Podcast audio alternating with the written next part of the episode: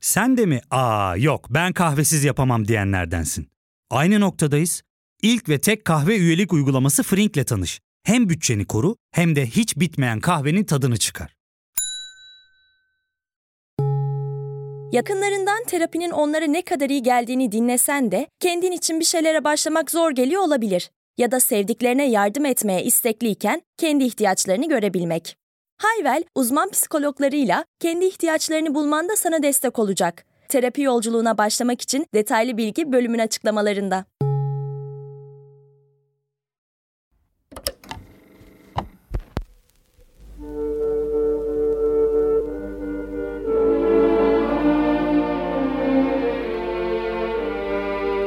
Ocağın ilk haftası yılbaşı münasebetiyle oynadığım felsefi bir düşünümden söz etmiştim. Nietzsche ve Bengi dönüş.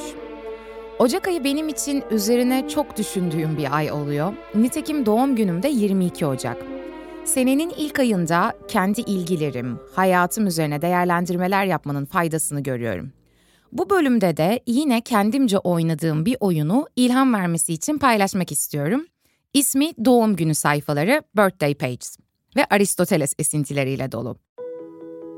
Son 3 senedir doğum günü kutlamıyorum. En son pandemiden önce en sevdiğim arkadaşlarımla bir kutlama yapmıştık ve öylesine şahaneydi ki hala herkes mutsuz olduğu zamanlarda o günün videolarını açıp izlediğinden söz eder. Sonrasında pandemiyle birlikte zaten aile yanına Muğla'ya taşındığımda yalnızlaşmaya başladım ve bir daha da kutlama, arkadaşlarla olma, pasta üfleme gibi geleneksel beklentileri yerine getirmedim. Sanırım ilk kez 2020 yılındaki doğum günümde hastanede geçirmem gerekiyordu. Hipoglisemi şeker hastalığı teşhisi için 4 saatlik bir kan verme aşaması vardı. Ve ben de yanıma, bunu söylerken şimdi biraz utanıyorum, gerçekten bir drama queen'im. Seneca'nın Hayatın Kısalığı Üstüne adlı kitabını aldım. Şunu düşünmenizi istiyorum. Doğum günüm, hastanede kolumda iğne var, 4 saat orada kalmak zorundayım ve Hayatın Kısalığı Üstüne diye bir kitap okuyorum. Çünkü şöyle davranma hoşuma gidiyor. Sanki kendi hayatımın filminde başrol oyuncusuymuşum gibi. Aksi takdirde hayat gerçekten çok çekilmez oluyor. O günün akşamında yazı yazmaya başladım ve yazıya ilham veren Dostoyevski'nin Beyaz Geceler adlı romanından birkaç soru yedim. Hayatının en güzel yıllarını nasıl harcadın? Yaşadın mı yoksa yaşadığını mı sandın? Nazım Hikmet'in dizesi gibi hani diyor ya yaşadım diyebilmen için mutlaka Fazıl Say'ın Nazım Oratoryosunu duymuşsunuzdur. Özellikle Genco Erkal'ın seslendirdiği bir bölüm var ve tam olarak kafamda her sene 22 Ocak'ta o çınlıyor. Yaşamak şakaya gelmez. Büyük bir ciddiyetle yaşayacaksın. Bir sincap gibi mesela. Yani yaşamanın dışında ve ötesinde hiçbir şey beklemeden. Ve düşünmeye başlıyorum. Yaşadım diyebilmem için ne yapmalım? Bu sorunun her birimiz için farklı yanıtları olabilir. Benim kendinin yargıcı ve mimarı olma amacı güden bu birthday pages ya da doğum günü sayfalarında da iki aşamalı bir yol var. Birinci adım mimarlık konusu. Aristoteles etiğinden yaşam konusunda gerçekten çok fazla şey öğrendim ki ara sıra da burada bahsediyoruz. Ama Aristoteles metafiziğinde aslında metafiziksel açıdan muhtemelen yanlış bir ilke var ve ben o ilkeyi alıp yine yaşama kullanıyorum. Ne demek istedim? İlke erek bilimci determinizm yani amaçlı nedensellik.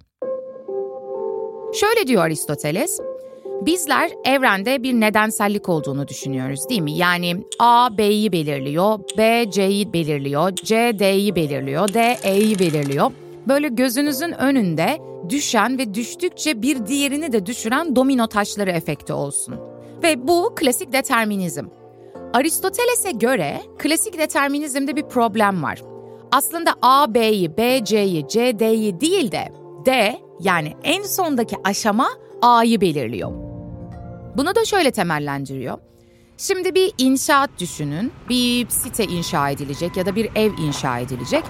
Nasıl olur? İşçiler oraya gider ve gelişi güzel tuğlalar koyarlar ve bu tuğlalar bir yerden sonra tesadüfen bir ev, bir yapı ortaya çıkarmazlar değil mi? Öncelikle bir tasarı vardır, mimarın planı vardır Ve o D ereği yani o en sondaki tasarı aslında bütün evin yapılma sürecini başından itibaren belirler. Bu yüzden Aristoteles'e göre amaçlar nedenleri ve süreci belirler. Ya da evin planı evin yapılma sürecini belirler de diyebiliriz. Buna erek bilimci determinizm deniyor. Ben bunu ilk okuduğumda 18-19 yaşlarındaydım. Çok ilginç ve makul gelmişti. O zamanlar evrendeki amaçlılık konusunu yani metafizik açıdan tartışırken tam oturtamamıştım. Ama bana bir şey daha hatırlatmıştı. Hayal panosu meselesi. Pinterest kullananlar bilirler. Bir ara Instagram'da da çok popülerdi. Kişiler hayal panosu dedikleri böyle mantar panolar yaratıyorlardı ve aslında kendilerini görmek istedikleri görsellerin içerisine yerleştirerek düşünsel bir tasarı yaratıyorlar ve onu görüyorlardı. Ve bu hayal panosunun gerçekliğine inanıyordu insanlar. Yani sen böyle panolar yaparsan aslında hayatında oraya gidecek. Hatta bunun şu aralar yine böyle popülerleşen bir ifadesi var. Manifest etmek. Kişiler böyle şey yapıyor. 7 7 7. Aldım kabul ettim. Manifest ediyorum. Hayatım buraya gitsin diyerek sanki o gerçekliği yaratabileceklerini düşünüyorlar. Bunun saçmalığına geleceğim tabii ki bu bölümde ama önce şu hayal panosu konusundan bahsetmek istiyorum. Hayal panosu kuruyor olmanın bir yandan aslında Aristoteles'in erek bilimci determinizmini anımsatan bir yanı var. Yani başlangıçta bir tasarınız, bir programınız, bir panonuz varsa o sizin hangi süreçten gideceğinizi göstermeye başlıyor değil mi? Sizin elinizde bir son oluyor. Dolayısıyla doğum günü sayfaları yazmaya başlayacaksanız önce kendi hayatınızın mimarı olmanız gerekiyor. Yani bir tasarı kurmalısınız. Şimdi ikinci adıma gelelim. Burası çok stoğcu bir pratik. Kendinin yargıcı olman gerekiyor. Yani önceki tasarılarına bakarak ne kadar ilerleyip ilerlemediğini görmen lazım. Bunun sabah ve akşama da bölebilirsiniz. Hatta ben bir aralar şahane bir ajanda tasarlamaya girişmiştim. Hani satmak için değil, kendim için tasarlamaya başlamıştım. Günler şu bölümler halindeydi. Sabah hayatının mimarısın, akşam yargıcısın. Stoacılar da meditasyonlarında tam da bu kendinin yargıcı olma gibi kendi kendilerini değerlendirirlerdi. Mesela o günlük sayfalarda ben uyumadan önce bugün yanlış, ahlaki değerlerime uygun düşmeyen, erdemsiz bir şey yaptım mı diye soruyordum. Ya da bugün hiç güzeli görebildim mi mesela? Ya da bugün daha iyi bir insan olmaya gayret ettim mi gibi.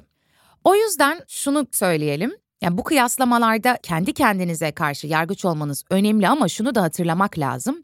Her zaman planladığımız yerde olmayabiliriz ama muhtemelen başladığımız yerde de değiliz. Ve bu mesafeyi anlamak için bazen başladığınız yeri hatırlamanız gerekiyor.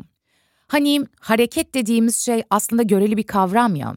Uzay zamanda bir şeyin hareket ettiğini anlamamız için en az iki şey gerekiyor, dualite gerekiyor. O yüzden ne kadar uzaklaşıp geliştiğini görmenin yolu, hareket ettiğini anlamanın yolu, geri geldiğinde o başlangıçtaki tasarılara da bakmak. Bu noktada bölüme kısa bir ara verelim, sonrasında devam edeceğiz. Ya fark ettin mi? Biz en çok kahveye para harcıyoruz. Yok abi, bundan sonra günde bir. Aa, sen Frink kullanmıyor musun? Nasıl yani? Yani kahvenden kısmına gerek yok. Frink'e üye olursan aylık sadece 1200 TL'ye istediğin çeşit kahveyi istediğin kadar içebilirsin. Günlük 40 TL'ye sınırsız kahve mi yani? Çok iyiymiş. Aynen. Hatta şu anda 200 TL'lik bir indirim kodu da var. E hadi hemen indirip üye ol da bu fırsatı kaçırma. Terapiye başlamak, içinden çıkamadığın döngüleri kırmak, bazı yanlış bulduğun kararlarını değiştirmek ve kendinle beraber daha huzurlu bir yaşam inşa etmek için atabileceğin en değerli adımlardan biri. Hayvel ile yoğun yaşam tempona uyum sağlayarak online terapi seanslarını takvimine göre ayarlayabilirsin. Bini aşkın uzmandan sana en uygun terapisti seçebilir, PodB10 koduyla indirimden yararlanabilirsin. Detaylı bilgi açıklamalardaki bağlantıda. Ne dedik? Doğum günü sayfaları, kendi hayatının mimarı ve kendi hayatının yargıcı olmak. Hayal panosuyla Aristoteles'in erek bilimci determinizmini bir araya getiren başka bir içerik var mı gerçekten bilmiyorum ama şu manifest etme meselesine dair bir şeyler söylemek istiyorum.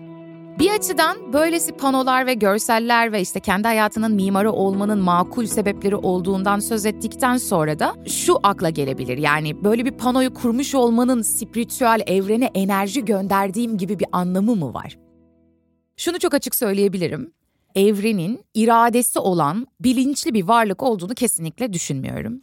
İrade sahibim belirli bir plan, niyet ile evreni yaratan gözetleyen, müdahale eden bir tanrının varlığına da inanmıyorum. Yani 2024-23 Ocak Dilara'sının inançlarından bahsediyorum. 5 sene sonra değişmiş olursa tekrar üzerine konuşuruz. Dolayısıyla evren bilinçli bir şey olmadığı için, varlık bilinçli bir şey olmadığı için benim nezdimde 13.8 milyar sene önce başlayan ve belirli bir süre sonra muhtemelen tekilliğe doğru gidip evrende böyle genişleyip genişleyip genişleyip hiçliğe doğru sürüklendiği bir evren tasarısının açıkçası benim ne yaptığımı umursadığını hiç zannetmiyorum. Yani düşünebiliyor musunuz? Evren sana mesaj gönderiyor. Sen o kadar önemli bir şeysin ki, o kadar biricik ve özelsin ki evrenin işi gücü yok sanki o bilinçli irade sahibi bir varlıkmış gibi sana mesajlar gönderiyor, senin mesajlarını alıp kabul ediyor. Bunların hepsi çok antroposentrik fikirler yani insanı merkeze alan fikirler. Bu şeyden farklı değil benim nezdimde. Dalgalar çok yükseldi, tsunami çıktı demek ki Poseidon bana kızdı demekle aynı bakış açısı. Yani sadece inanmak istediğimiz, anlam yaratma ihtiyacında olduğumuz için kurduğumuz bir hikaye. Ve böylesi hikayeler aslında hormonal açıdan da ödüllendirici olduğu için biz böylesi hikayelerin var olmasıyla yaşıyoruz. Bu hikayeleri küçümsemiyorum. Bu hikayelerin pratik açıdan elbette oldukça büyük anlamları var ama bunlar epistemolojik açıdan hakikate dayanan gerçeklikler olmaktan ziyade psikolojik açıdan faydalı faktörler diye düşünmek gerekiyor. Peki madem evrenin benden mesaj aldığı, benim dileklerimi yerine getirdiği yok, o zaman hayal panosu veya bu manifest etmekteki büyü gibi gözüken şey ne? Yani çünkü birçoğumuz bir şeyleri manifest ediyoruz ve gerçekleşiyor. Eğer öyle olmasaydı hayatımızdaki bu mucizeleri nasıl açıklayabilirdik? Dürüst olmak gerekirse benim de hayatımda mucize gibi gözüken şahane karşılaşmalar olur ve kendimi genellikle zaten şanslı bir insan olarak adlederim. Burada şöyle bir şey var. Yine nedensellik, yine nedensellik. Yani doğum günümde bile nedenselliğe bağlamış olmam biraz sıkıcı. Gerçekten can sıkıcı bir insan olabilirim ama şimdi eğri oturup doğru konuşalım. Düşüncelerin de nedenselliği var. Bu Spinoza'nın felsefesinde karşılaştığımız bir fikir. Bizler iyi düşünmeye başlıyoruz. Bir şey istiyoruz, olabileceğini düşünüyoruz değil mi? Düşünceler, düşünceleri, o düşünceler başka düşünceleri, ve o başka düşüncelerde aslında eylemlerimizi belirliyor. Yani düşünceler eylemleri, eylemler sonuçları yaratıyor.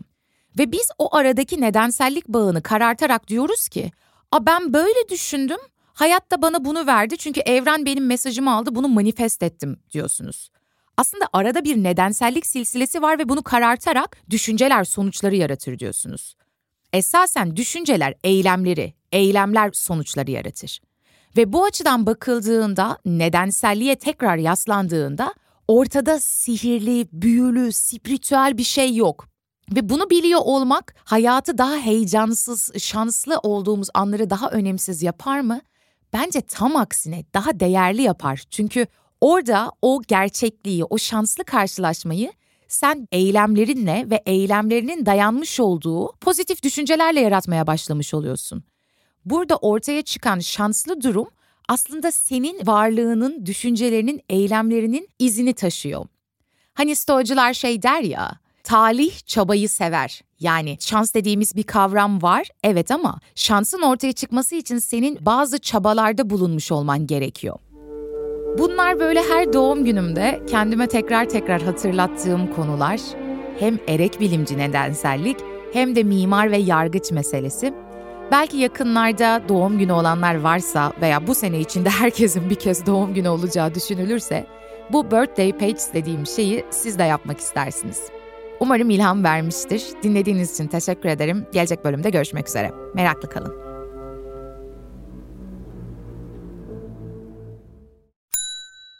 İlk ve tek kahve üyelik uygulaması Frink, 46 ildeki 500'den fazla noktada seni bekliyor. Açıklamadaki kodu girerek sana özel 200 TL'lik indirimden faydalanmayı unutma. Hadi sen de Frink üyeliğini başlat, kahven hiç bitmesin. Hem bugününe hem yarınına katacaklarıyla terapi yolculuğuna ve daha iyi hissetmeye bugün Hayvel ile başla. Açıklamadaki linkten Hayvel'i indir, ücretsiz tanışma görüşmelerinin ardından bütçene uygun seans paketini seç ve terapi yolculuğuna başla.